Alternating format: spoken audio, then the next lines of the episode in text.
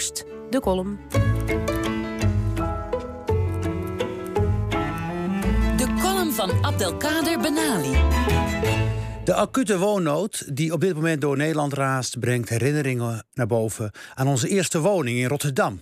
Waar we ons in 1979 samen met mijn moeder en zus bij onze vader voegden. Een arbeiderswoning van nog geen 50 vierkante meter die we met onze vieren moesten delen. Het was de tijd dat alle mannen zware check rookten en alle vrouwen Belinda's. Geluk was toen nog heel gewoon, maar hield er wel een zware roggelhoest aan over. De woning was, achteraf beschouwd, een krot. Het dubbel glas was toen nog niet uitgevonden. We keken door enkel glas naar buiten en de wereld blies keihard terug. De tocht om, met, om en rond het raam zorgde voor een continue druppelneus. Achter de zware gordijnen, als je die kon betalen, begon Siberië. Maar het enkelglas had in de winter wel een verrassing voor ons in petto. Begon het te vriezen, dan zetten zich op de vuile ramen de meest prachtige waterkristallen af, die transformeerden in ijsbloemen. En onze huiskamer veranderde in een tuin waar de stiefmoeder van Sneeuwwitje zich thuis zou voelen. Maar aan het sprookje hing wel een luchtje. Het tapijt dat in de huiskamer lag stok naar zweetvoeten.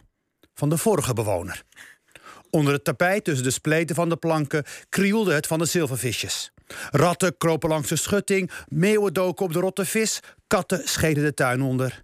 En wat was het moeilijk om op het aanrecht het verschil tussen hagelslag en muizenkorrels te zien.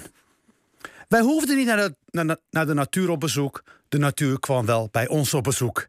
En die natuur manifesteerde zich in een hardnekkig schimmelprobleem. Op een dag meende ik, in het behang, meende ik het behang te zien bewegen. Met het topje van mijn duim en wijsvinger tilde ik het op om daar een groen uitgeslagen entiteit aan te treffen. De schimmel. Het benam ons de adem. Letterlijk. En we besloten daarom te verhuizen. Deze herinneringen verdienen natuurlijk nadere wetenschappelijke bestudering, lieve luisteraar.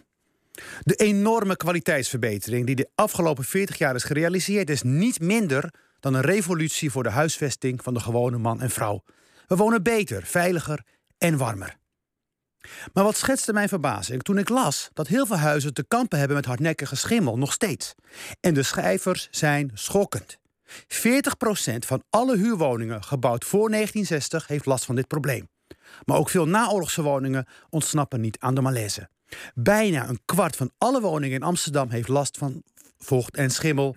En bij sociale woningen gaat het om 1 op de 3. En op landelijk niveau praten we over 1 op de 5 woningen met schimmel. De oorzaak is achterstallig onderhoud en de onwil van overheid en woningcorporaties om dit probleem serieus aan te pakken, want het is een serieus gezondheidsprobleem. Het ophopend vocht achter het behang of op de gevels zorgt voor een onaangename uitslag met ademhalingsproblemen, astmatische klachten en heeft slaapgebrek tot gevolg. Wie slecht woont, slecht leeft. Maar wat dit probleem nog nijpender maakt, is dat het bestrijden van de schimmel een hele dure grap is geworden. Bij goede ventilatie hoort ook een goed verwarmd huis. Maar wie met de explosief gestegen energieprijzen de thermostaat hoger zet, is astronomische bedragen kwijt. En zo dringen de gevolgen van wereldpolitiek door tot diep in ons huishouden, tot achter het behang, tot in onze longblaasjes. Het hele zaakje ruikt muf. Ja, Abdelkader, dankjewel. We hadden net een gesprek over woningnood en nou ja, ellende in Maastricht en in Krottenwijk. het is gewoon nog steeds aan de hand. Ja. Het is nog steeds aan de hand. En het onvermogen, op de vijf woningen. Onvermogen om het aan te pakken en de onwil misschien wel. De onwil ook, ja. ja.